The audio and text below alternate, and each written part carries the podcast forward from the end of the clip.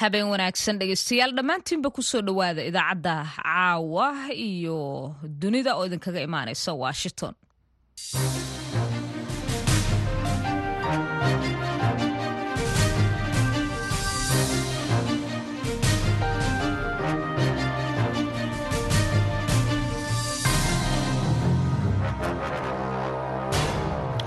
waa habeennimo talaada ah. Bisha nofembar ee sannadka labada kun iyo saddex iyo labaatankana waa siddeed iyo labaatan. Waxaad naga dhagaysanaysaan mawjadaha lix iyo tobanka iyo sagaal iyo tobanka. Mitrban iyo boggeena internetka ee v o a somaali com. Idaacadda caawa iyo dunida ee v o edana waxaa idinla socodsiin doonta anigoo ah sahra cabdi axmed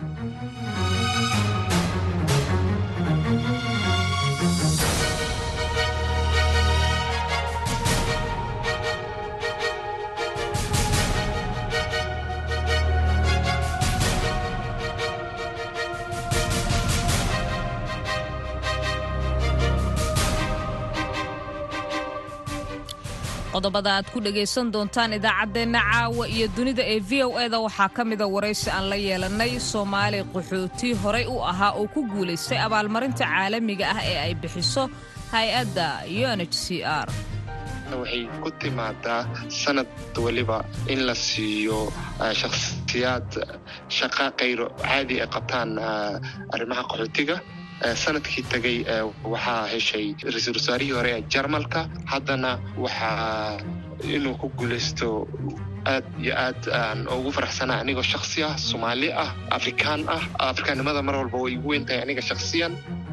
Waxaad sidoo kale maqli doontaan waraysi ku saabsan dagaalka ka socda dalka suudaan oo siddeed bilood jirsaday dagaalka suudaan wuxuu galay bishii sideedaad oo xiriira u dhexeeya ciidamada suudaan iyo xoogaga taageerada degdega ah ee r s f. Dagaalku wuxuu geystay khasaaro xoogan waxaa ku dhintay dad rayid ah oo lagu qiyaasay afar kun oo qof.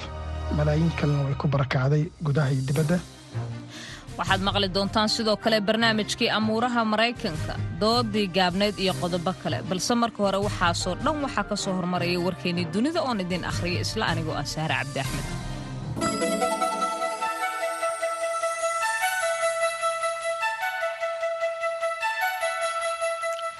israa'iil iyo xamaas ayaa la filayaa inay sii wadaan isdhaafsiga maxaabiista iyo la heestayaasha iyada oo la kordhiyo xabajoojinta ilaa iyo maalinta talaadada ah ee maanta. Ah israa'iil ayaa wacad waxa ay ku martay inay sii hakin doonto weeraradeeda ay ku bartilmaameedsanaysa xamaasta marinka gaza.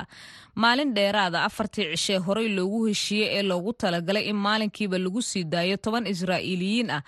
Halka sidoo kaleetana israa'iil ay saddex jibaar sii deynayso falastiiniyiinta ka buuxa jeelasheeda xamaas ayaa iyaduna dhankeeda waxay ogolaatay labada cisho ee muddo kordhinta iyadoo sidoo kaleetana la raacaya qawaaniintii hore. Dowladda qatar ayaa qayb lixaad leh waxa ay ka ciyaartay muddo kordhintan iyada oo dowladda maraykankuna ay ku baaqday heshiiska haddiiba la sii daayo maxaabiista in la kordhiyo. Waxaana ay soo dhoweysay dowladda maraykanka in la sii kordhiyo wakhtiga hakinta dagaalkaasi xogayaha guud ee neto janes stoltenberg ayaa waxaa talaadada maantayta ah uu shaaca ka qaaday inuu ku kalsoon yahay in maraykanku uu sii wadi doono taageerada uu siiyey ukrein iyada oo ay jirto ayuu yiri kala qaybsanaanta ka dhex jirta sharci dejiyaasha maraykanka ee ku saabsan ansixinta dhaqaalaha dheeraadka ee loogu talagalay in lagu kaabo dagaalka ukrein isagoo la hadlayay suxufiyiinta ka hor inta uusan bilaabanin shirka labada maalmood ah ee ay ku yeelanayaan. Wasiirada arrimaha dibadda ee neto braslis ayaa stoltenberg waxa uu ammaanay taageerada milatari ee aanan horey loo aragay xulafada neto ay siinayaan ukrain si ay markaasi uga jawaabaan duulaanka ka dhanka ah ukrain ee ruushka uu wado waxa uu sharaxay in taageero la siiyey ukrein ay tahay wax waajib ku ah neto waxa uuna xusay in guusha ruushka ee ukrein ay ka dhigan tahay khatar weyn oo ku timid neto iyo xubnaheeda iyo sidoo kaleeto arrin musiibo ku ah dadka reer ukrein stoltenberg ayaa waxaa kaleeto oo uu la kulmay xogayaha arrimaha dibadda ee maraykanka antony pilican ka hor inta uusan bilaabanin wadaxaajoodka heerka wasiirada arrimaha dibadda ee dalalkaasi ku jira neto koox la socota falalka yuhuud naceebka ah ee kana dhisan dalka jarmalka ayaa sheegtay talaadada maantita ah in ay diiwaangeliyeen korar aad u sarreeya oo ku saabsan dhacdooyinka yuhuud naceebka ah ee dalkaasi ka dhacay wixii ka dambeeyey waradii xamaas ee ku qaaday israa'iil toddobadii bishii ina dhaaftay ee oktoobar kooxda ra'iis la yiraahdo oo magaceeda loo soo gaabiyo r i a s ayaa sheegtay in ay diiwaan gelisay sagaal boqol sagaashan iyo afar dhacdo taasi oo celcelis ahaan ka dhigan sagaal iyo labaatan dhacdo maalintiiba inay dhacdo. Koror ahaana saddex boqol iyo labaatan boqolkiiba ee korortay marka loo eego falalkaasi sannadkii kan ka horreeyay ee labadii kun iyo laba iyo labaatankii. Xilligan oo kale kooxdu waxa ay eegtay muddada u dhexeysay oktoobar toddobadeedii iyo nofembar sagaalkeedii falalkii ugu dambeeyey ee dhacay oo ay diiwaangelisay dhacdooyinka sagaalka boqol sagaashan iyo afarta ah ee naceebka ay ka dhanka dadka yuhuudda ayaa waxay isugu jiraan ayaa la yiri saddex fal oo lahaa rabshado culculus kuwaas oo ay ka mid ahaayeen sagaal iyo labaatan weerar oo lala beegsado laguna waxyeeleeyay toddobaatan iyo labo xarumood oo hanti lagu baabi'iyey iyo soddon iyo labo khatargelin ah iyo afar waraaqadood oo naceeb uu ku jiro oo laysugu diray boosto iyo sideed boqol konton iyo afar falal kale u muuqday kuwo rabshado ay ku dheehan yihiin. Samatabixiyaasha dalka indiya u dhashay ayaa talaadada maantita ah waxa ay soo saareen qaybtii ugu horreysay ee ka mid ah afartan iyo kow macdan qodayaal ah oo ku xayirnaa muddo toddoba iyo toban maalmood ah god dhulka hoostiisa mara. Kadib markii ay burburtay waddo dhulka hoostiisa marta oo ay mareen sida ay sheegeen saraakiisha dalkaasi dadaalka samata bixinta ayaa waxaa ku lug leh in macdanqodayaashaasi lagu soo saaray bareelayaal amaba siriraha la saaro dadka xanuunsanaya ee lugaha leh ayada oo sidoo kaleetana la marayo ku dhowaad lixdan mitir oo tubo dherer ah. Shaqaalahan ayaa xayirnaa ilaa iyo bisha novembar ee dhammaadka haatan joogta labayo tobankeedii markaasi oo ay duuntay wadadii dhulka hoosteeda maraysa ee dhismaha uu ka socday ee buuraha himalayan ee gobolka uttarakhland ee dalkaasi indiya. Warkii dunidana waa naga intaa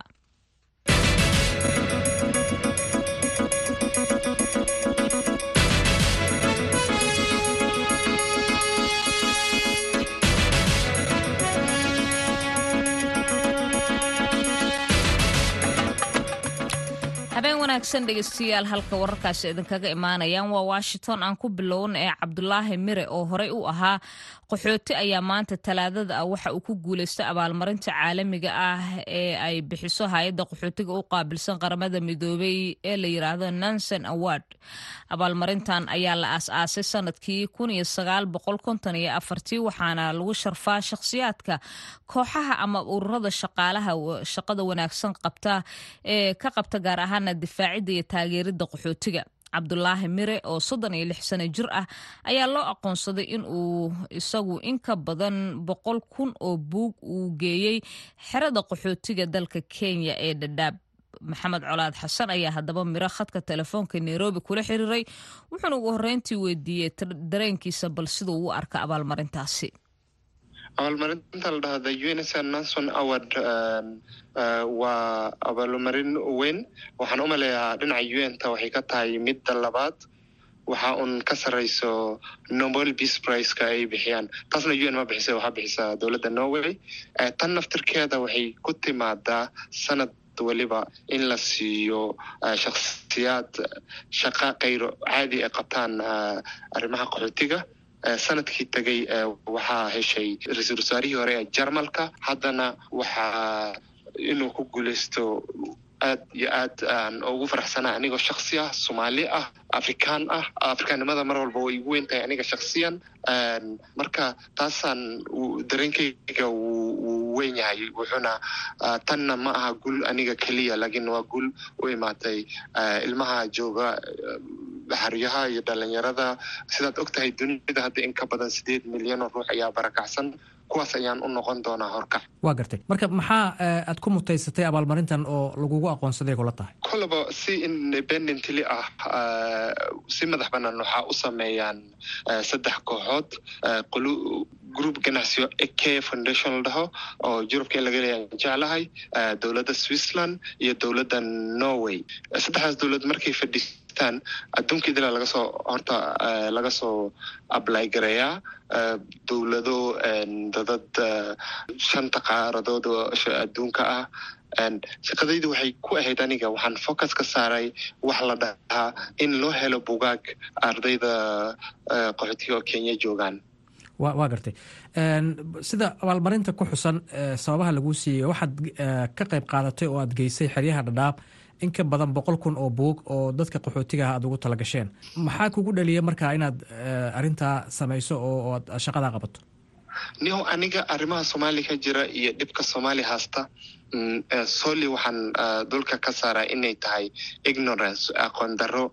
Waxaanan aaminsanaa in waxa keliya ee dhibka jiro looga bixi kara ay tahay in wax la barto. Sidaas daraaddeed marka aan tago shaqa ahaan aan ka shaqayn jiray intaan ka tegay xeryaha kadib labada kun iyo toddoba tobankii mar walba oon tago waxaan arkaya iskuullada baahi dhinaca buugaga jirto. Kaas ahaan maalin anagoo aan la socdo wiilal ajanabi ah oo oo aan documentaries la samaynayno.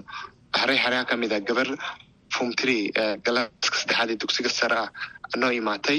Annaga soomaali ahaan ay isoo aaday. Waxay tiri walaal waxaan doonayaa inaad iga caawisad hadaa waxa iga caawin kartid. Haddaad nairobi ku noqoto iyadoo filaysa inaan nairobi ka imaadin waana iri ha waan ku noqonaya jimcaha noqonaya arbacay ahayd dhinacayaan baxay waxay tiri waxaan rabaa inaan noqdo mukhtabalka dakhtar laakiin cilada haysta ayaa waxay tahay bugaagta akhriska sida chemistryga camal hal chemistry ayaa toddoba iyo toban gabdhood labaatan gabdhood ku qaybsanaa. Markaas iyada ah ayaa dareen aan dareemay nairobian ku noqday asxaab saaxiiban nahay. Iyo aniga waxaan soo gadnay laba boqol oo buug.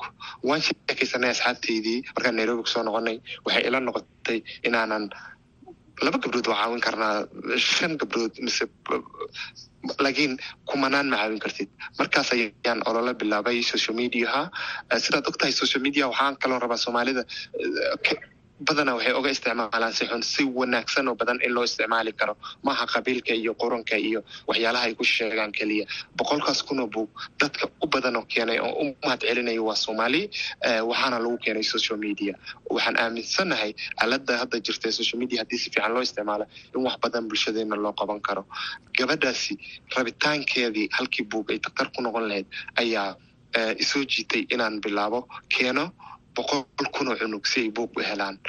Gabadhii daktarad igu tiri maalin dhaweyta markaan u samaynaynay abaalmarintan documentary waan la kulmay waa kalkaaliso wayna shaqaysaa bulshaday u shaqaysaa. Safarkeedii weli wuu sii socdaa. Waxay igu tiri mar dhow ila raadi inaan dakhtarnimo ku biiro jaamacad taasna waan ku tala jiraa waa gartay. Marka buwaagtan aada geysay xeryaha saameyn intee leeg ay bulshada ku yeelatay? Sideyse uga jawaabeen. In badan dee iskuullada kuwa akhriska ee galaasyada imtixaamaadka bundadoodii kor marte akhriskii luqadda ingiriiskii haddii aad hadda fiiriso luqadda kiswahiliga laga dhigay iskuullada way dhismeen.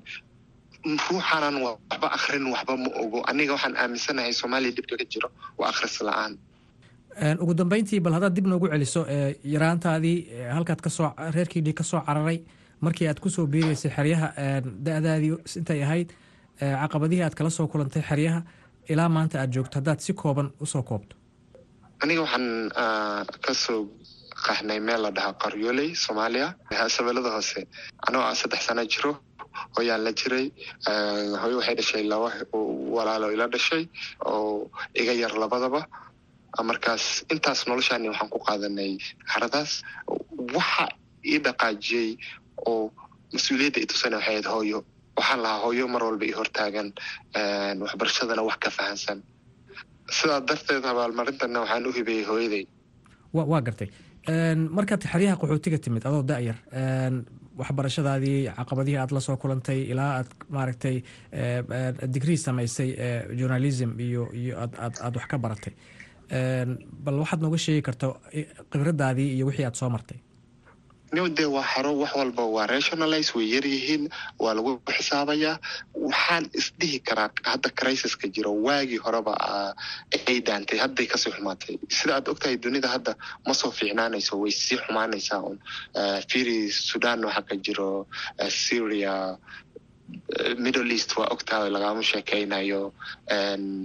Meel walba waxaa jira wax climate change laha iyo dagaaladii ka sii daray. Geeska africana oo lama sii jirto ilan wixii hore hay'adihii way yaraadeen. Markuu roob da'ah waa dhib. Markuu abaar da'ana waa dhib. Marka waxaa waxyaalaha la isku soo duwo daraadood wixii walba oo owel waaga inagii anigu markaan joogay meeshaas ayay ka fiicneed. Hadda wax walba way sii yaraanayaan kaasi waxa uu ahaa cabdulaahi mire oo ku guulaystay abaalmarinta ay bixiso unh c r oo u warramayey maxamed colaad xasan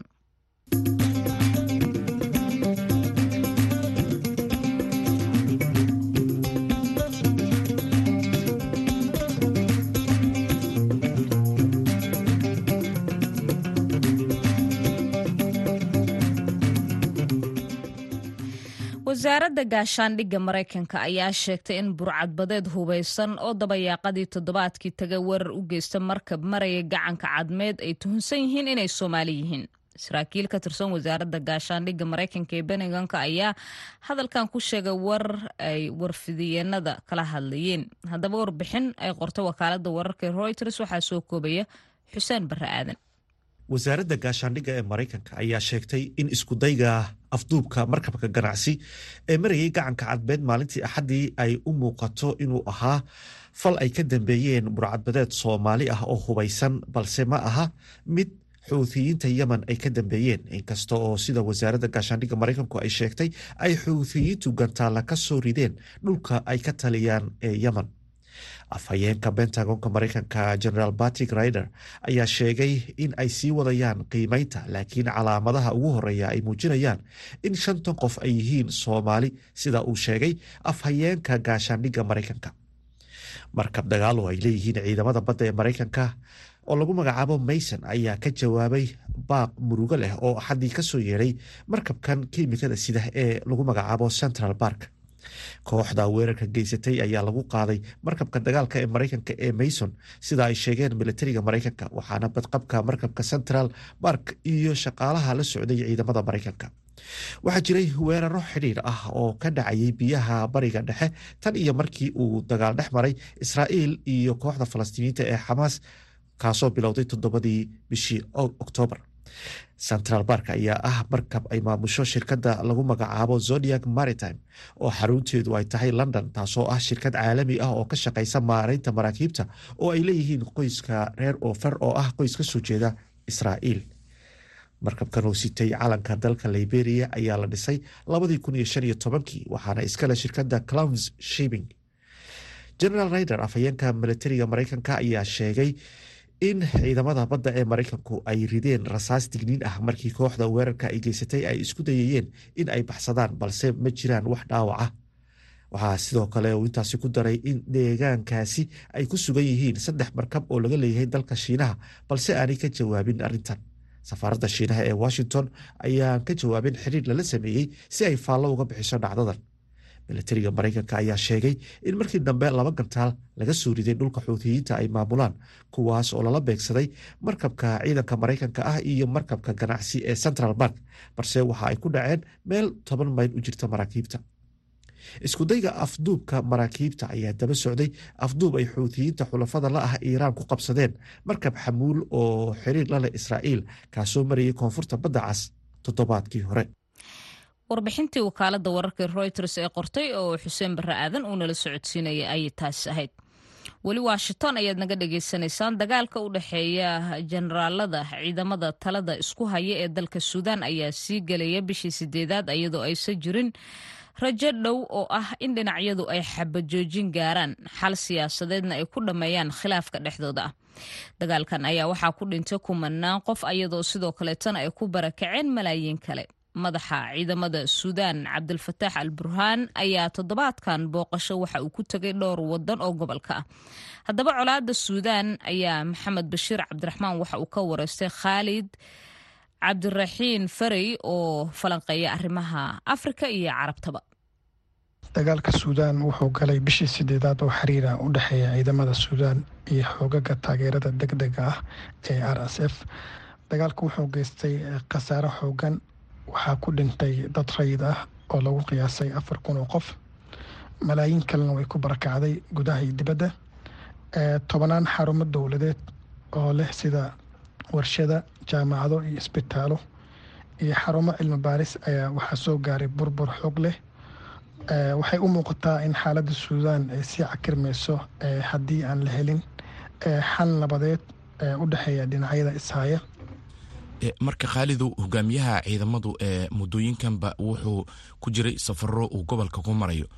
Bal nooga waran muhiimadda safaradan iyo waxa laga filan karo inay ka soo baxaan.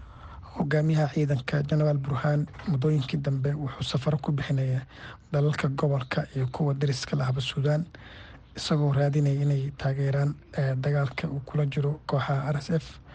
Ujeedooyinka safarkiisu waa taageero inuu ka helo dalalkaas ama inay iclaamiyaan in kooxda r s f ay tahay koox khatar ku ah jiritaankii amniga gobolka.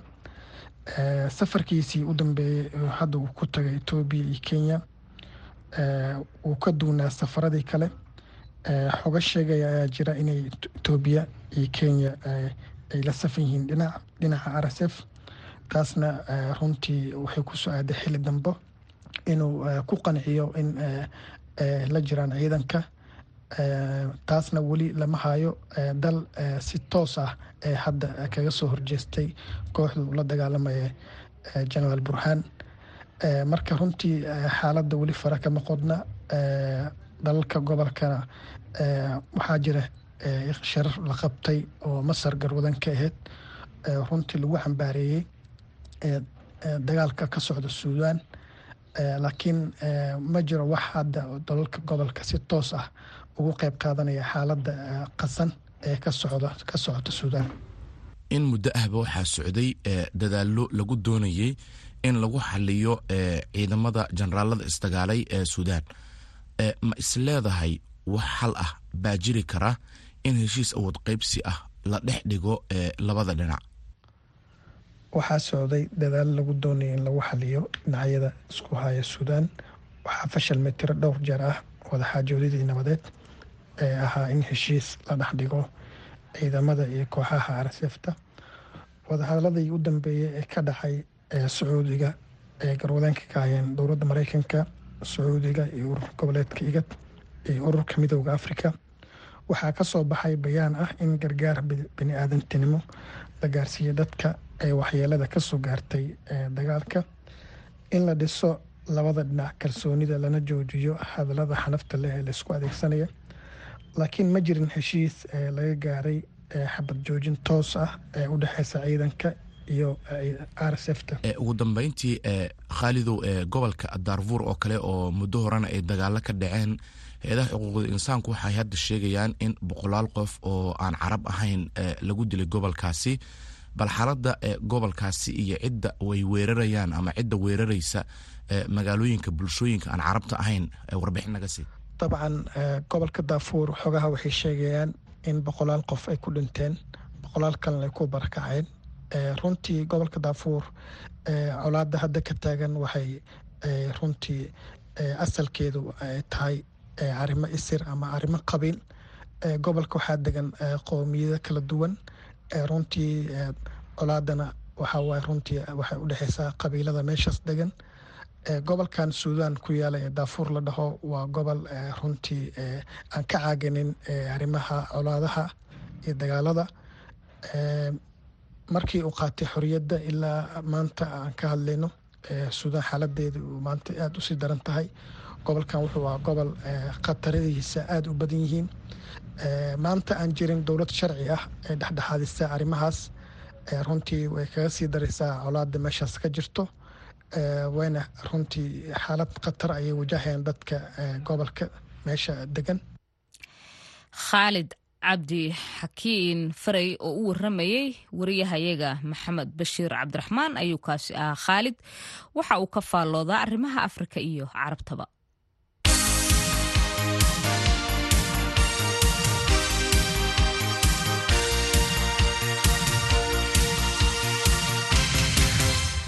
israa'iil iyo xamaas ayaa isniintii waxay ku heshiiyeen in laba maalmood oo xabajoojin ah la kordhiyo wakhtigeeda taasi oo lagu sii daynayo maxaabiis kaleeto sida ay sheegtay dowladda qatar oo dhexdhexaadinaysa xamaas ayaa sii daysay tobaneeyo carruur ah afar maalmood oo xabajoojin ah.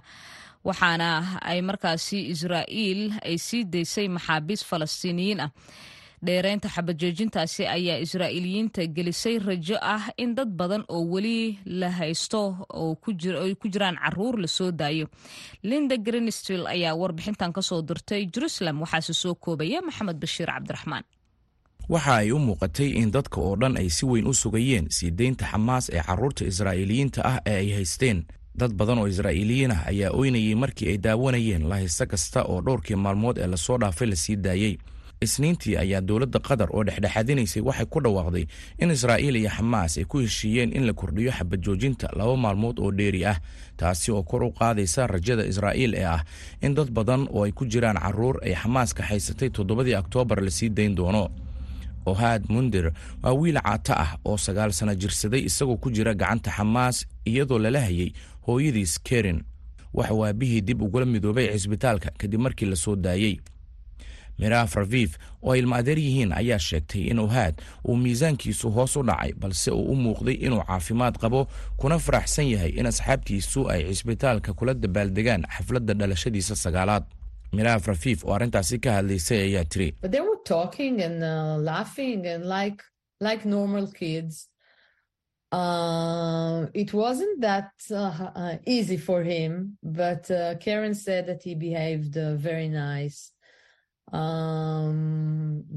waxa ay u sheekaysanayeen oo ay u qoslayeen sidii carruur caadi ah. Uma aysan sahlanayn isaga laakiin hooyadii kerin ayaa sheegtay inuu u dhaqmay si aad u wanaagsan. Waxaa jirtay mar uu ooyey sidoo kale markuu soo noqdayna wuu ilmeeyey kadib markii uu filim xasaasi ah daawaday iyo mar uu qof kale wax u sheegay oo uu noqday mid qiiraysan. Waxaan rajaynayaa inuu sida ugu dhaqsiyaha badan caadi ku noqon doono israa'iil ayaa sheegtay in xamaas ay gacanta ku dhigtay afartan carruur ah oo ka mid ah labada boqol iyo afartanka qof ee ay haysato. Sarkaal ka tirsan dowladda qatar ayaa sheegay in toban ka mid a carruurtaasi ay gacanta ku hayaan kooxo kale mana cadda in xamaas ay heli karto. Dhakhaatiirta cilmu nafsiga ayaa sheegay in carruurta la sii daayey ay tahay in laga daweeyo sidii ay uga gudbi lahaayeen dhibka gaaray.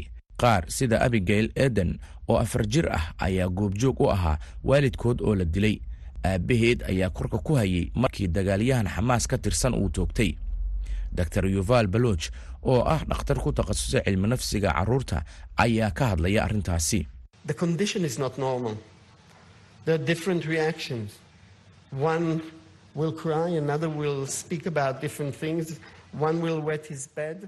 Xaaladdu caadi ma ahan waxaa jiraya falcelinno kala duwan. Mid baa ooyi doona mid kalena waxa uu ku hadli doonaa waxyaalo kala duwan mid ayaa ku kaadin doona sariirtiisa. Mid kalena wuxuu ka baqi doonaa inuu ka baxo qolka badbaadada sababtoo ah waa meesha keliya ee nabdoon. Mid kalena maba aqbali doono inuu galo qolka badbaadada sababtoo ah xusuusta qolkaasi ayaa ah mid la xidhiirta dhimasho iyo khatar. Iyadoo qayb ka ah heshiiska israa'iil ayaa ku sii deynaysay saddex maxbuus oo falastiiniyiin ah oo dhammaantood ahaa dumar iyo carruur aan qaangaarin kuwaasi oo ay ku bedelanaysay lahaysto kasta oo ay xamaas sii dayso maxaabiista la sii daayay waxaa ka mid ah faaduma shahiin oo lagu helay dembi ah inay isku dayday in middi ay ku disho qof israa'iili ah. Aabbaheed ismaaciil ayaa sheegay inuu ku faraxsan yahay in gabadhiisa ay xorriyaddeeda hesho laakiin uu ka walaacsan yahay xaaladda ka jirta khaza waxa uuna yidhi والحمد لله اللي طلعت احنا طبعا الحين مبسوطين We are happy that she was released, but only slightly so, because we cannot ignore the dire conditions in Gaza, where thousands have been killed. waan ku faraxsanahay in la sii daayey laakiin waa farxad aad u yar sababtoo ah ma iska indhatiri karno xaaladda daran ee khaza halkaasi oo kumanaan la dilay mana habboona inaan wakhtigan faraxno qoysaska israa'iil ayaa sheegay in dib ulomidoobidda carruurtooda la soo daayey ay tahay mid aan qanacsanaan weyn wadan maadaama weli ay jiraan dad badan oo lahaystayaal ah. Waxa ay sheegeen in aysan nasan doonin ilaa qoys walba uu qofkiisa dib ula midoobo. Mahadsanid maxamed bashiir cabdiraxmaan oo warbixintaasi noo soo jeedinaya ayuu kaasi ahaa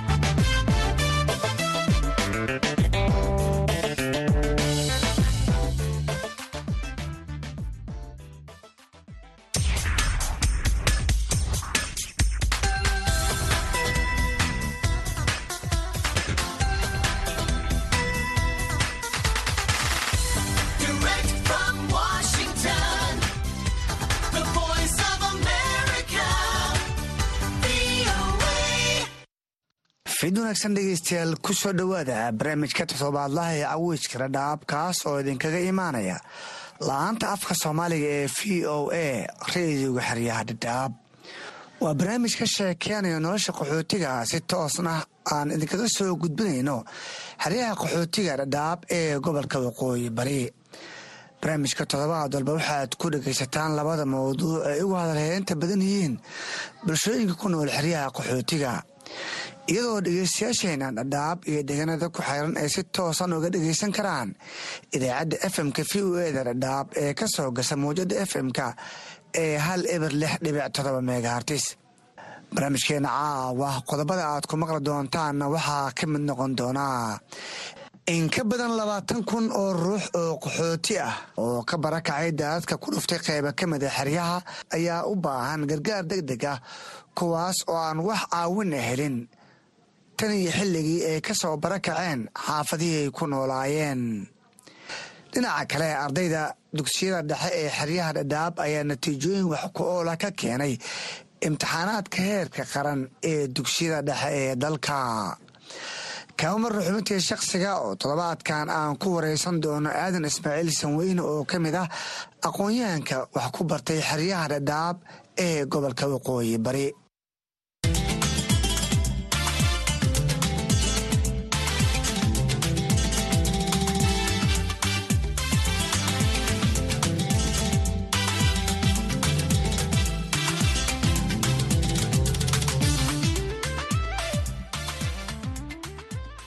barnaamijka waxaa idinla socodsiinayaa haddii rabbi qadaro anigoo ah cabdisalaan axmed. Xeryaha dhadhaab ee dalka kenya waxay qayb ka tahay deegaanada ay saameynta ku yeesheen fatahaadaha iyo roobabka dayrta ee go'doomiyey qayba ka mid ah gobolka waqooyi bari xeryaha ifo iyo dhagaxley ayaa muddo isbuuci ah ka go'doonsan deegaanka intiisa kale waxaana xeryahaasi dhex eegaago daadad ka yimid dooxooyinka waaweyn ee gobolka. Haddaba biyahaasi waxaa ku barakacay kumanaan qoys oo xaafadihii ay ku noolaayeen naftooda kala baxsaday kuwaas oo barakaca ku ah xaafadaha kale ee ka badbaaday. Daadadka ku fatahay qayba ka mida xeryaha iyadoo qoysaskaasina tan iyo xilligii ay roobka curteen aysan helin wax gargaar ah waxaana guud ahaan gobolka ka jiro sicir barar xoogan oo saameyn toosan ku yeeshay. Guud ahaan bulshooyinka ku nool xeryaha dhadhaab cabdulaahi cali aadan oo ka mida guddoomiyaasha xeryaha ayaan ka wareysanay. Duruufaha ay ku noolyihiin qoysaskaasi qaxootiga ah ee ku barakacay gudaha xeryaha cabdisalaan saaad og tahay ba roob fara badan baa ka da'ay waqooyi bari kenya khaasatan xeryaha dhadhaab roobkii da'ayey bishan november oo dhan roobkuu da'ayey intaa waxaa sii dheer marka biyo fatahaad oo kor nooga imaaday ayaa jira. Dad fara badan oo adiga lagu qiyaaso ilaa labaatan kun oo qof ayaa ku barakacday xerada dhagaxley keliya. Ifana way ka sii darantahay saasoo kale dad fara badan baa qaxay. Marka biyihii hore wayna yara dhaafeen laakiin hadda kuwa kale cusuba haddana soo galay oo cusuba hadda imaaday. Marka halkaa waxaa ku guri waayey dad ka badan labaatan kun oo qof yaa ku guri waayey masquuliina ku waayeen wax gargaar cid weli gargaar la soo gaartayn ma laha dadka waxayna iska degeen iskuullada waataa guddoomiye dadkan xaafadaha ay ka soo barakaceen. Waa halkee tan kalesa goobo aad u diyaariseen oo la dejiyey miyaa jiro dadkan inta badan waxay ka barakaceen xaafadihii u dhowaa lagta xaggeeda xigay oo biyaha khaasatan xaafadan la dhahay a oo ka koobnaa toban bolog ilaa d ilaa e ilaa c dadkii banaandegaha dadkii boolbakti deganaa oo xagga lagta xigay dhammaan way wada qaxeen. Dadka meel annaga aan u diyaarin maan haynin laakiin nasiib wanaag waxaan ku baxsanay iskuulladii ardada ay wax ku baranayeen saad ogtahay dhagaxley toddoba iskuul oo primary ayaa jiray imtixaankan waa la bogay. Marka waxaa ilaahayna waafajiyey iskuullada oo imtixaankii laga baxay oo bannaan baan helnay. Marka hadda waxaan la isticmaalayaa toddoba iskuul hal umaan la isticmaalaynin lixda kale waa la isticmaalaya dadaan ka buuxa. Maxaa gurmada oo la gaarsiiyey maadaama ku dhowaad toban casho dadkan ay bannaanjoog yihiin? Maxaa lala soo gaaray? Innaba ha yaraatee wax gurmad ah oo dadka la soo gaarsiiyey ma jiraan wax la siiyey malaha toban cashe ka badan ba ay bannaan jiifaan oo guryahooda ay ka soo qaxeen intii yarada raashinga ay soo qaateen hay'adda ay soo siisayna biyihii baa ka qaaday. Dadka qaar alaabtooda waa biyihii bay ku waayeen. Marka u n h r iyo hay'adihii arrimaha ay quseen dhammaan waan u sheegnay. Laakiin inilaa waqtigan hadda aan joogin wax soo gaari malaha oo magurmad gargaar soo gaarsi jiraan. Waa tahay kheyradhaantiinan ilaa harkeebaad gaarsiiseen maadaama xaalkan uu yahay xaal aad u adag. Dadkii roob mihigaana ay ku da'ayaan micishadii ay sar ka xoogan ay samaysay. Bal ka war. Xaqiiqdii horta qaxootiga haryaha dhadhaab hadda waxaa mas'uul ka ah ilaahay ka soko u n h r iyo dowladda kenya. Labada waan u sheegnay. Dadka hadda gacanta ku hayay oo qaxootigan maamulaya waa hay'adii dhadhaab deganaa kulli way ogyihiin way kana ka warqabaan indhahooduna ku arkeen. Wax inaba ha yaraatee ama alaab la bixinaya ha noqoto ama raashiin ha noqdo wax la soo gaarsiya dadku ma jiraan bannaanka ku rafaahsan yihiin dadka xaqiiqdii wayna baahanyiin dhuuntaba hadda gurigii la cuni lahaa. Ayaaba hadda culeysku u weyn. Oo ka haystaa sababtoo dad fara badan oo waxbana aan haysanin shaqana aan haysanin meelna aan ka shaqaynaynin. Waad fahmi kartaa maamo carruur wadato oo nin aan haysanin nin u shaqey aan haysan carruurta ay yaryaryihiin oo soo barakacday oo meel bannaan degan cid wax siinaysana aan lahayn waad fahmi kartaa culeyska intaa waxaa sii dheer maciishada cirka isku shareertay meelihii ay wax ka imaan jireen ama badeecada laga keeni jiro badeecana ka imaaneen sokortii iyo cuntadii darooriga la cuni jiro oo cirka isku shareeray. Marka waxaasoo dhan marka isbiirsadaan dadka marka aada u nugul xaqiiqdii xaaladooda way adagta meel xaalad adag baa jirta. Aad ba umahadsan yahay kaasun wuxuu ahaa gudoomiyaha guud xerada dhagaxle iyo cabdulaahi cali aadan oo noogu waramay gudaha xeryaha dhadhaab ee gobolka waqooyi bari. Dhinaca kale qaar ka mida qoysaskaasi oo ku barakacay iskuulka elino ayaan ka waraysanay baahiyaha ay ku nool yihiin iyo xaaladda ay wajahayaan maadaama aysan ku guri noqon karin xaafadihii ka soo barakaceen. Waa kuwan qaar ka mida qoysaskaasi oo la hadlay barnaamijka caweyska dhadhaab. Magacayga waxaa lahaa cabdulahi saxaan cali waxaan deganay xeryaha qaxootiga dhadhaab xaafadda lailaban waxaan u galay biyo oona soo barakiciya weeg baan deganay iskuulka laalino caruurihii guriga la arkaa waxaa lagu jiraa maxay ahayday laba laba qoys sax qoys loo jiraa ilaa ma hadda ilahi wax nama yeelin hadda ilmayahin wax nagama noqon shun bas carruurta ka bila saak barkood baan u qaadnay. Isbitaalka dhagaxliya oon la caranoon. Mootooyin saar marka wax noo imaadaan weyniba inta kale iska xanuunsan yihiin. Marka lafaha naga oo nabad baqay wax noo imaaday oo addoon kale oo ilahay uu reebo. Waa tahay cabdulahi waxaad sawirtaa qaabkaad u nooshihiin dadkiinaan barakaca ah maadaama aad fasaladii iskuulka gurya ka dhigateen. Noloshanna haddee koley waad garan kartaa dad qaxooti ahoo soo qaxay waad garan kartaa. Olba tawar aan haynin. Gogashiina meesha laga soo carray baa carurta baan la soo carray. Wax ilah mudda noolada ma jirta nolol ma jirta meesha waa iska farfarina moogiya wax laysa ma laha qori baan laysanin biyaan maxaano biyo biyo hadda waa la heli lahdaa laakiin cunta baan laysanin sali lagu farsaan la haysanin. Xag ilahi ma ka kolley tan iyo maanta timaadeen hay'adaha samafalka miday soo gaareen oo waxa gurmada ma heshaan may cid noo imaatay oo maxaa tiin dhahayba naga warqabta ma lahaba. Oo noo imaatay ma jiro. Annaga iska degno isakanay haddana iska dhex fadhino un guriyashaanadiina meesha meel lagu qorma masquulihii dume guryihii dudume aanuurtisaaqaadanalaare yaylabangaa ku badne gurya manate biyanoo gali musqulo dudume guryaa dume oo kasagasa sinyeen raashinka biyanoo qaadi rafaad is hareer owlaada beesada laha ka qaadi naata hata alaadha waynay leey silacay rafaadaa ka goorni. Waa tahay hoynuurtu intaa meeqaa inaad ku heenaysaan ada lihamingarognata lihamingaroon afarhamingna haafadadaha barin. Haafaduna ka jarnay baa biyahana sii gale. Ha ku sii iskuulka ilaahayni nicma waa iskuulkaa degni. Annaga dhagaxley ahaan haddaan aad baan u barakacnay daadadkii hore oo naytisebankii dadkii soo guuray oo halkan soo degay baanayn oo nalagu kordhisay iskuulkan alaliina alxamdulilah rabbilcaalamiin abaaro badanna waan soo marnay aaran badanna waan soo marnay waxba ilaahaygi subxaan qaadirkaaba wato alxamdulilah rabbilcaalamiin markii hore idinku dhuftay elino sagaashan iyo todobadii bal waxaad noo sawirtaa qaabkii qaxootiga xaalkooda ahaa iyo taageeraday heleen xilligii hore kii daadadkii nugu dhuftay hay'adda maanta aad baa naloogu helanaa gacanqabad weyn oo yaan helay. Marka wixii raashin eh iyo wixii bace iyo wixii ilaahay waa kuu roon yahay nala gaarsiiyey oo daawe eh aad baan u helnay waxaa kaloo noola sii xag jirtay markii cayaankiina dhameeyey indheegaa nalagu buufiyo cayaanka nalaga laayay. Dayaaradda. Dayaaradda markii nalooga laayay ayadoo biyihii socdaan baa nabadgelyo u baxnay oo bannaanka faseexnay guryaha inagii dhoobada aan ku noqonnay oo ilaahay noo angejiyey. Alxamdulilaahi middaa dowladda aad bay markaa gacanta noola hayay. Hadda laakiin kolley annagaa iska fadhina ma ogiy waxaa maleyna hadda xaayadda waa in naga sii guraysaa waa maleyna adoola ma aha. Waayahay shan iyo labaatan sano kadib mar kale waxaad martigeliseen daadad guryihii idinka barakiciyey. Bal ka waran taageerada aad hesheen iyo xaalka aad joogtaan. Saacaddan laga bilaabo wax taageero aan hadda aan hayn ma jiro aad bay u mahadsan yihiin. Kuwaasna waxay ahaayeen qaar ka mid ah codadka qaxootiga ku barakacay qayba ka mid a xeryaha ay saamaynta ay ku yeesheen. Daadka ku dhuftay qayba ka mid ah gobolka waqooyi bari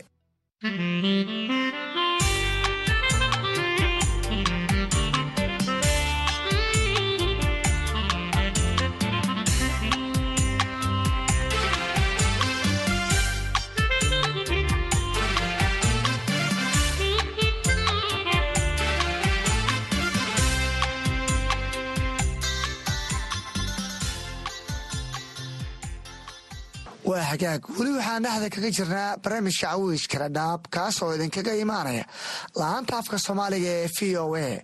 Waxaa idinku soo maqana xirmooyin kale oo ku aadan islawararka qaxootiga balse iminka aan idinku wareejiyo saaxiibkay axmed cabdulaahi jaamac oo istuudiyaha igula sugan si uu nagu soo tabiyo barnaamijka qaybihiisa kale mahadsanid cabdisalaan axmed dhegaystayaal waxaad nagala socotaan barnaamijka caweyska dhadhaab oo aad ka dhegaysanaysaan.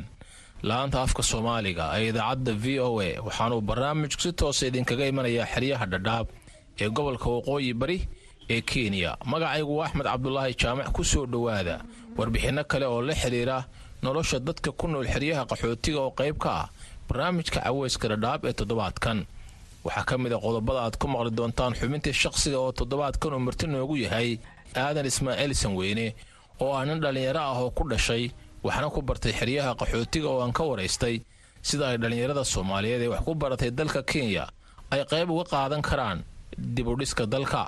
Waxaad kale oo maqli doontaan ardada dugsiyada dhexe ee xeryaha qaxootiga oo natiijooyin sare ka keenay imtixaanaadka shahaadiga ah ee dugsiga dhexe ee dalka kenya haddii aan ku bilaabo dhegaystayaal xubinta shaqsiga xeryaha qaxootiga ee dhadhaab waxaa ku sugan kumanaan dhallinyaro soomaali ah oo wax ku bartay dalka kenya. Dhallinyarada intooda badani kuma dhiiran inay dib ugu laabtaan dalkoodii hooyo waxaana ay weli qaxooti ku yihiin xeryaha dhadhaab. Aadan ismaaciil sanweyne oo ah sagaaliyo labaatan jir ku dhashay xeryaha qaxootiga waxna ku bartay ayaan ka waraystay sida dhallinyarada wax ku baratay xeryuhu ay qayb uga noqon karaan dibudhiska dalkooda dhallinyarada wax ku barata ee qaxootiyada waxaa weeyaan waa dhallinyaro aad wax u baratay jecel dalkooda inay ku laabtaan dibudhiska ay qayb ka qaataan. Laakiin caqabada jira awgooda aysan qaarkood weli ugu laabanin. Sababaha jiran ay tahay weli in mxua wadankii nabadgelyadiisii israacin. Qabiilkiina wadanka weli aad ugu wen yahay. Dhallinyarada qaxootiyada ama qof qaxooti ku soo korayna uusan aqoonin wax qabiil la dhahayo marka dhibaatada keeni karta oo mxuaha qofka ka hor istaagays ay tahay mxuahay caqabada u weyn qabiilkii iyo mxuahay dadkii oo mxuaha gobol ay ka soo jeedeen aysan garanaynin oo lagu tilmaamayo maadaama gobol aad tagto gobolkan reerkiina ma degan qofka la dhihi karo. Caqabada u weyn waa saas dhallinyarada mar walbana way jecel yihiin inay wadankooda tagaan laakiin hadda sanadaha ugu damba dhallinyarada wadanku ay ku laabataa ayagii qaxooti ka soo jeeday baana is xiriiriyo hadduu nin uu magaalo kale u joogo intuu wadanka fahmayo qof qaxooti ka yimid oo shaqaynaya ayaa gacanta ku qabto. Ma jiraan ka dhallinyar ahaan wax xiriir oo aad la samaysaan dowladaha soo mara soomaaliya si aad u noqotaan ama fursad la idiin siiyo inaad wadanka ka shaqaysaan kuna noqotaan walaahi ma jirto dowlad noo timaaday oo fursad ama waxbarasho ahaato ama fursad shaqo oo dhallinyarada qaxootiga ku dhiirigelisay. Maan arag inta soomaaliya dowladnimadii ay u istaagtay ay dowladdu mar walba isbedesho waxaan shaqadaas badanaa la rabay inay ay qabtaan safaaradeena ku taalo wadanka kenya khaasatan nairobi in ay dhallinyarada u timaado ay wax walba ee mxuha caqabadaha jirtan ay mxuaha ay la wadaagaan si ay mxuaha wadankoodii daljacayl ugu beeraan ayaa horta wanaagsaneed marka ma jiro wax dowlad ah oo noo timaaday ama naga wareysatay caqabadahan haysato. Dhallinyarada qaxootiga waxaa lagu dhaliilaa inay u hanqaltaagaan dalal kale oo halkan aad u joogtaan inaad ka dhooftaan oo waddan saddexaad aad sii aadaan ee ayna idinku yartahay wadaniyadda maxaad su'aasha uga jawaabaysaa? Wallaahi dadka isku midda ma ahan.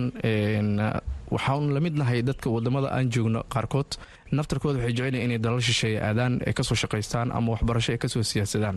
Marka qofka qaxootiga ah mar walba wuxuu ka jecel yahay wadan shisheeye intuu aadi lahaa wadankiisa oo dhisan oo dhan amni iyo dhan muxuuaha siyaasad iyo dhan dhaqaalaba ka dhisan inuu wadankiisa muxuuaha waqti ku qaato. Dal shisheeye aaditaankeeda wax weyn oo ay noo soo kordhinaysa ma jirto. Waa maalmo inaad soo joogto aad ka soo laabato keliya noqon kartaa. Dhalinyarada xeryaha qaxootiga waxay yidhahdaan wadankii waxaan sugaynaa intuu hagaagayo dagaal baa ka jira colaad baa ka jirta maskaxdii iyo xooggii dalka waa idinka.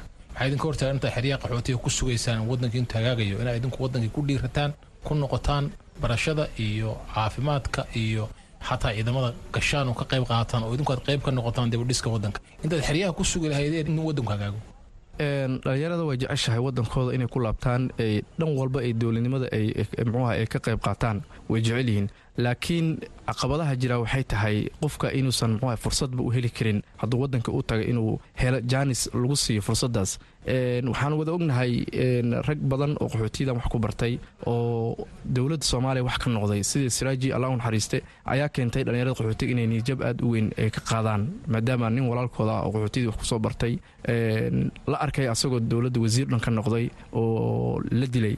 Markaas dhalinyarada aad muxuuaha niyajab fara badan ay ku keentay kulaabashada wadanka laakiin saasay tahay basatage fiican baa wadankii ku laabtay ayagoo hogaaminaya hay'adaha n g oska caalamiga ah oo la arkaya rag badanoo qaxootiga in hay'adahaas madax ka yihiin wadankii ka shaqaynaya. Adiga aadanow xeryaha qaxootigaad ku dhalatay iskuul saraad kaga baxday jaamacad qaybaa ku bogtay qayb kaloo jaamacada ku sii jirtaa weli. Maxaa kuu qorshaysan? Muxuu hamigaagu yahay? Hamigeyga wuxuu yahay inaan dalkayga aan ku laabto bulshadayda aan cilmiga inta aan ku bartay aan bulshadayda la tago oo waxaan uu qabto iguma jirto in muxuaha dal shisheeye inaan iska aado. Waxaan jeclahay wadankayga dibudhiskiisa inaan ka qayb qaato. Anigoo dadkayga rafaadiyihiin ma jeclaan karo inaan dhabarka aadiyo oo wadan shisheeye tago. In wax u qabto oo wixii cilmi ah aan bartay aan dib ayaga ugu celiyo dhibaatada ay ku jiraanna aan ilaahay ugu ragala inaan ka saari karo. Dhalinyarada soomaalida xeryaha qaxootiga sidee lagu qancin karaa inay dalkii ku noqdaan kana qayb noqdaan horumarka wadanka taas waxay noqon kartaa in kambeynar fara badan iyo wacyigelin la sameeyo dhalinyaradii ku saabsan. Taasna waxaan jecel lahay in dowladeenii iyo iyo hay'adda u n h c r ay barnaamijkaas ay iska qayb qaataan ilaa dowladda kenya. Ay ku dhiirigeliyaan in dhalinyarada iyo wadanka ku laaban karaan fursado la sameyn karo. Hay'adaha inta ka shaqaynayo iyo wadanka gudihiisa kuwa joogaba in xiriir la sameeyo in dhalinyaradii markay meesha tagaanba fursado loo sameeyo wadankii waxa uu qaban karaan. Waxaa kaloo jira wadankii waxaa jiray voluntary patrition oo dhallinyaradii badana haddana u sababtay in wadankii dib ay u laabtaan maadaama dowladda kenya ay tiri wadanka waa in dib loogu laabtaa qaxootigii oo si oo muxua qasab ahayn. Waxay dadkii shacabkii deganaa qaxootiga khaasatan dhallinyaradii waxay ku dhiirigelisay in wadankoodii u yahay laga maarmaan ay noqotay wadan shisheeye joogitaankiisa in maalin maalmaha ka mid a iga tag lagu dhihi karo. Taasna waxay keentay wadaniid fara badan in dhallinyaradii ay ku abuurtay wadankoodii dib ugu laabteen. Ugu dambayntii dhallinyarada aymigaaga saaxiibada aad xeryaha qaxootiga wax ku wada barateen ku wada dhalateen qayrkoodna iyagoo yarar soo galay maxay tahay talada u hayso? Taladaa u haya waxay tahay dhallinyarada wax ku baratay qaxootiga ama hadda heer jaamacadeed bogtay ama kuwa hadda ku jira waxaan ku dhiirigelinayaa in wadankii wax lagu laabto oo dadkii shacabkii soomaaliyeed oo ku rafaadan geyigeenna in muxua wax loo qabto aysan noqon muxuu ahaa in wadan kale ama loo hanqaltaago waa wada ognahay adduunyadu idil waxaa ka jira cris fara badan hadday tahay qaxooti dunida dhan waxay noqotay qaxooti. Marka waxaan jecelnahay in wadankii dhallinyarada ahaan maadaama dadkii loogu talagalay aanu nahay soomaalina dhallinyarada boqolkii toddobaatan iyo shan ay tahay in wadankii aan geyna fikrad ah in wadanka nabadgelyo lagu soo dabaali karo. Marka dadkeena inaan wax barno si voluntary hataa lagu shaqayni karo loo baahan yahay dhallinyaradu inay fiireen keli lacag laakiin loo baahan yahay waqtigooda waqti ka mid ah in batimekooda inay dadka geliyaan si fariya inay wax ku baraan iskuullada ay tagaan wax baraan. Kaasi waxa uu ahaa aadan ismaaciil sanweyne mid ka mid a dhallinyarada ku nool xeryaha qaxootiga ee dhadhaab oo marti iigu ahaa xubinta shakhsiga oo qayb ka ah barnaamijka caweyska dhadhaab ee toddobaadkan. Wasaaradda waxbarashada iyo tacliinta sare ee dalka kenya ayaa ku dhawaaqday natiijooyinka imtixaanaadka shahaadiga ah ee dugsiyada dhexe waxaana kaalimaha hore ee natiijooyinka la shaaciyey ka muuqda ardada xeryaha qaxootiga. Cabdideeq fu'aad jaamac oo ah ardayga ugu sarreeya ardada xeryaha qaxootiga ayaa ka hadlaya sida u arko guusha uu gaaray. Waa ku faraxsana natiijada keenay. Natiijadaasna waxaa ka dambeeyey waalidiinteyda iyo macalimiinteyda waxaa keenay ani farxaddaa dareema macalimiinteyna farxada dareemen anina farxada dareem sidoo kale mideeda kale waalidiintana sidoo kale farxada dareemen anina waa ku farxay natiijadaas markaa keensaday oo macalimiinteyda ku soo dadaalay habeen xataa maseexan jiren waxaa diyaarin jire macalimiinteyda sidoo kale. Maalinta labaiy tobankiis waxaa intaas oo geli jirna tuushanaa geli jirnay. Macalimiintana tuushan aqoon jireen. Markii galabtii koo tobanki tuushanaa geli jirnay. Ani habeenkii ilaa iyo hal saac marka tahay saa akhriyo markasaac ilaa lix saac shan saaca seexan jire badan habeenkii. Xaliimo qumbi cabdi oo dhigata isla iskuulka hureera ayaa ka mid ah ardada kaalimaha hore ka galay imtixaanka. Waxay sheegtay inay aada ugu faraxsan tahay kaalinta ay gashay. Walaahi aadaan ugu faraxsanahay heerka ammaanta aan gaaray. Walaahi dadaal aday dadaalka macalimiinta ay nagu bixiyeen juhdiga iyo dadaalka anaga aan baxsan. Intaba ay ii horseedeen dadaalka ammaanta aan gaaray. Dadaalkaan samayn jiray walaahi cashir ahaanta xagga cashirinta waan aqrin jiray waan dadaali jiray. In badan oon ku hamin jiray booskan inaan gaaro. Waan adig waan u soo u soo ti adig waan u soo yara dadaalay si aan heerkan u gaaro waanu ku soo juhda weynaa inaan ardayda ugu horreeya saddexda ugu horey ardayda aan ka qayb galo ardayga iskuulaha ugu horeeyaan waanu ku faraxsana maanta iskuulkeyga heerka u gaaray macalimiinteeda. Dhammaan guushaan u soo weyn waan ku faraxsanahay. Xaliimo waxay sheegtay inay doonayso inay dalkeeda wax ugu qabato mustaqbalka cilmiga ay baratay. Balka walaahi waxaan rajeynayaa sida ada hamigeyga inaan dhaktar noqdo oo dalkeyga iyo dadkeyga intaba aan anfaco. Waxaan rajeynayaa inaan noqdo adiga gabar dalkeedana u anfacdo. Guurkana walaahi warta taa warta guur haddii la dhahaa xag alle waay xag alle calafka ka socotaa iskaba dhaaf. Laakiin ma rajeynaya inaan guursado mana rabi dadaalkeyga maanta heerka aan maraya inaan meel cilo aaga tago. Ardada guulaha ka gaaray imtixaanka waxaa ka mid a gabadhan oo sheegtay inay cimilo kulul iyo duruuf adag ku soo dadaashay haddana ay gaadhay guushii ay ku taamaysay magacayga saddexan waa maryan cabdi xuseen natiijada keena waxaawaye saddex boqol iyo toddobaatan. Iskuulka aan dhigtana waxaawaaye hureyra academy. Walaahi bilaa natiijada a keena maanta waa ku faraxsanahay. Macalimiinteeda iyo waalidiinteeda iyo ardayda iskuulka isla dhigana natiijada ay keeneen. Kulli waa ku wada faraxsanahay. Teeda kale haween waa soo jeedi jiray waxaan aqrisan jiray. Juhdi badan baa ii baxay. Orax kuleel baa iskuul aadi jiray. Buugta badan aqrin jiray. Alxamdulilah haddana waa hele dadaalkayga mukhtaar suubaan dhaqane maamulaha guud ee iskuulka horeere akademi oo ah iskuulka ugu sarreeya saddexda xidho natiijooyinka imtixaanaadka dugsiyada dhexe ahna iskuulka labaad ee ismaamulka gaariso oo dhan ayaa ka hadlaya waxa uu is leeyahay inay u horseeday guushan ay gaareen. Wallaahi waxaan u malaynayaa guushan aan gaarnay horta ilaahi subxaana watacaala baana waafajiyey. Laba arrin baan u malaynayaa inaan anagu guushan ku gaarnay. Arrinta koowaad oo ah dadaal macalimiinta kheyr allaha siiyo iyo maamulkaba ay ardayda ku bixiyeen.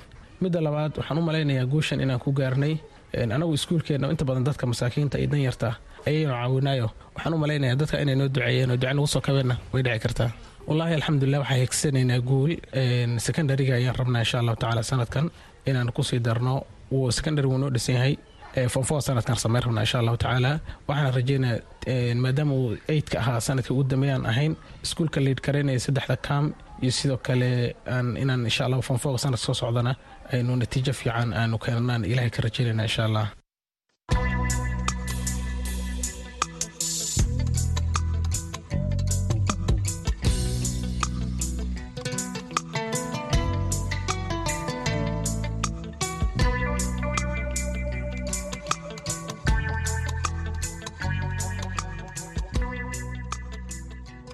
dhegaystayaal inta ayuu inoogu egyahay barnaamijkii caweyska dhadhaab ee toddobaadkan.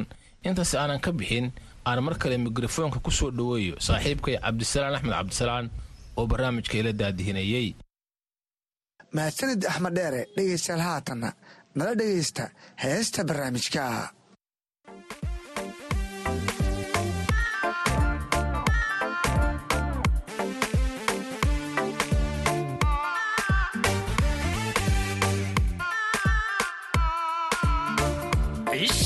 cishadaynu kulanaa dabayl caafimaad badan.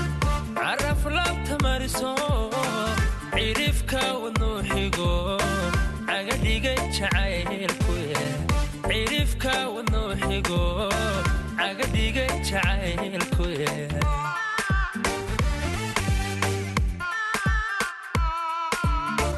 cishadaynu kulanaa dabayl caafimaad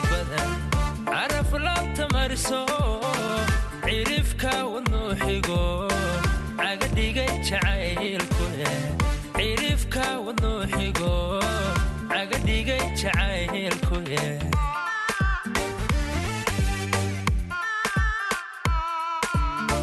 calmashada hadiyaan doqa calanka ku suray. Calmashada hadiyaan doqa calanka ku suray. Niyadii ku cugataa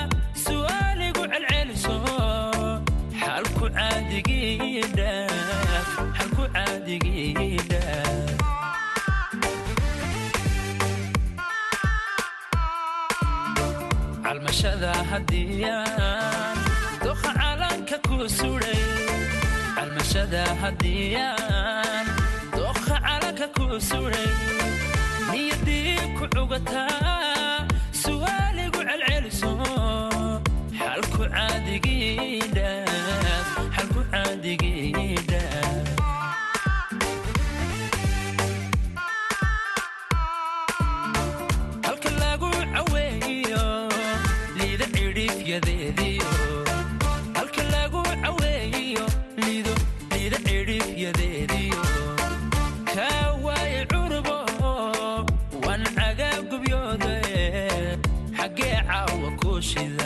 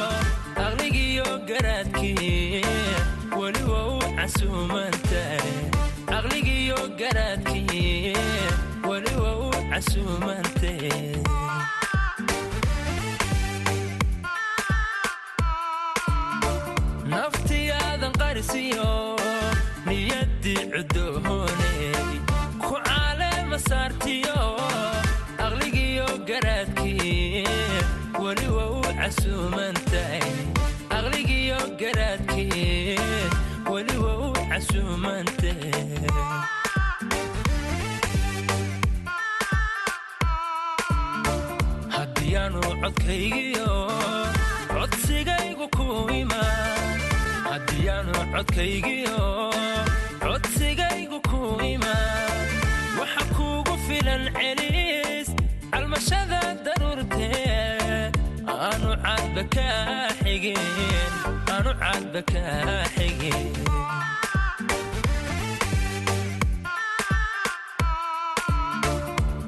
aanu cadba kaa xigin haddiyaanu codkaygiyo codsigaygu ku imaan. Haddiyaanu codkaygiyo codsigaygu ku imaan. Waxa kuugu filan celis calmashada daruurtee aanu cadba kaa xigin aanu cadba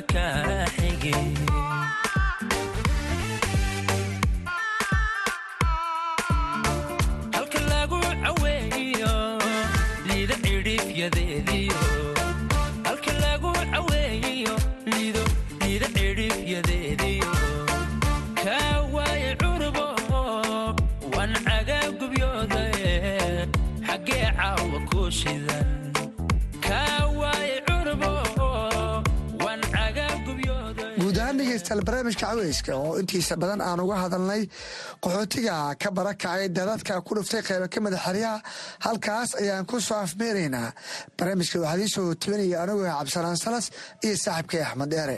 Tan iyo toddobaadka dambe intaa dib u kulmi doono waxaan idinku dhaafaynaa ammaana